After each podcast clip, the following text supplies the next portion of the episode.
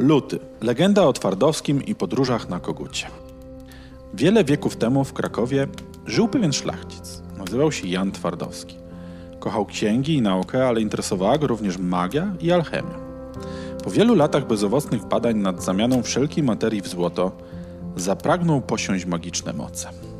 Wskazówki z licznych księgozbiorów zastosował do przywołania diabła. Czart uśmiechał się przebiegle, ponieważ odczytał myśli i pragnienia Twardowskiego o czynieniu prawdziwych czarów. Zapewnił go, iż spełni wszystkie najskrytsze marzenia w zamian za duszę szlachcica. Ten poprosił o dopisanie do cyrografu, że zabranie duszy będzie możliwe w Rzymie, do którego za kilka tygodni planuje odbyć pielgrzymkę. Czart wielce się ucieszył z dodatkowego zapisu i z tego, że już niedługo zdobędzie nową duszę, która dzięki jego mocom zło będzie czynić. Nie wiedział jednak, że Twardowski wcale nie ma zamiaru odwiedzania Rzymu. Cyrograf został podpisany. Twardowski z nowymi mocami ruszył w podróż po Rzeczpospolitej. Chcąc podróżowanie przyjemniejszym uczynić, postanowił odpowiedni środek transportu sobie wyczarować. Użył swoich nowych mocy, aby w przyszłość spojrzeć i tam znaleźć coś, co jemu współczesnych zadziwi. Wtem kurz, pył i dziwny zapach uniósł się wokół Twardowskiego, który ledwo na nogach ustał. Ludzie siedzieli w blaszanych maszynach, które z ogromną prędkością pędziły przed siebie.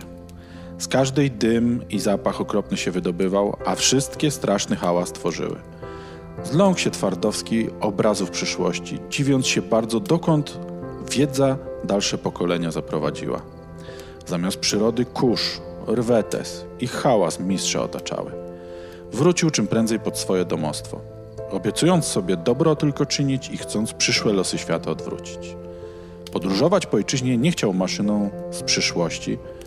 Dzięki magii stworzył ogromnego koguta, którego dosiadał jak rumaka i odwiedzał polskie wioski i miasta.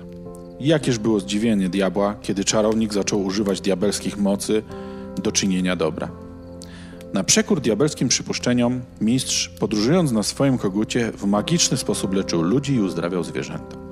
Na kogucim siodle dotarł do Bydgoszczy, gdzie zjawy z domu burmistrza przepędził, a włodarza odmłodził. Twardowski wraz ze swoim pierzastym i kolorowym kompanem podróży byli częstymi gośćmi na dworze króla Zygmunta Augusta. Czarnoksiężnik zyskał ogromną przychylność króla dzięki przywołaniu ducha zmarłej królowej. Jedyna droga, jakiej przez cały czas Twardowski nie pokonał na swoim kogucie, prowadziła do Rzymu. Zyskiwał coraz większą sławę i rozgłos, a wielki kogut z czerwonym grzebieniem stał się jego znakiem rozpoznawczym. Rozłoszczony czart przemienił się w chłopa i przyszedł do szlachcica z prośbą o pomoc w uzdrowieniu chorej matki. Czarnoksiężnik zgodził się pójść z proszącym do pobliskiej gospody, gdzie miała leżeć chora. Tam czart przybrał swoją prawdziwą postać. Okazało się bowiem, że karczma zwała się Rzym. Stała się więc miejscem zguby Twardowskiego. Gdy diabeł porwał szlachcica, by do piekieł go zabrać, ten zaczął odmawiać modlitwę do Matki Świętej.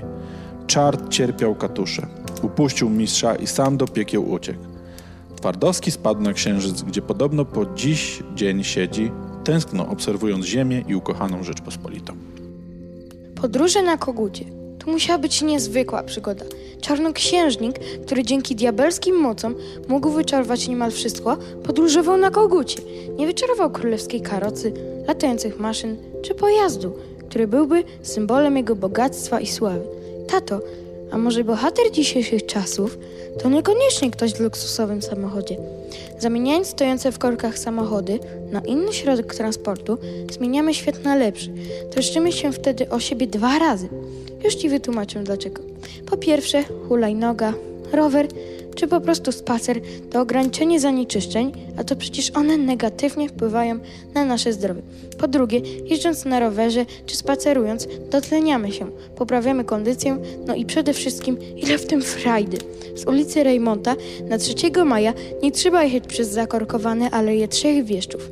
Można przejść na skróty przez Park Jordana. Miejskie drogi omijają tyle pięknych miejsc, które możemy odwiedzić codziennie w drodze do pracy i szkoły. Połączmy przyjemne z pożytecznym. Tato, myślę, że mniejsze wydatki na benzynę pomogą w podejmowaniu takich decyzji. Mamo, przecież zawsze starasz się dbać o nasze zdrowie. Mamo, tato, podejmijmy razem wyzwanie. Niech głównymi hasłami naszych działań będą Elektromobilność, odpowiedzialność, zdrowie.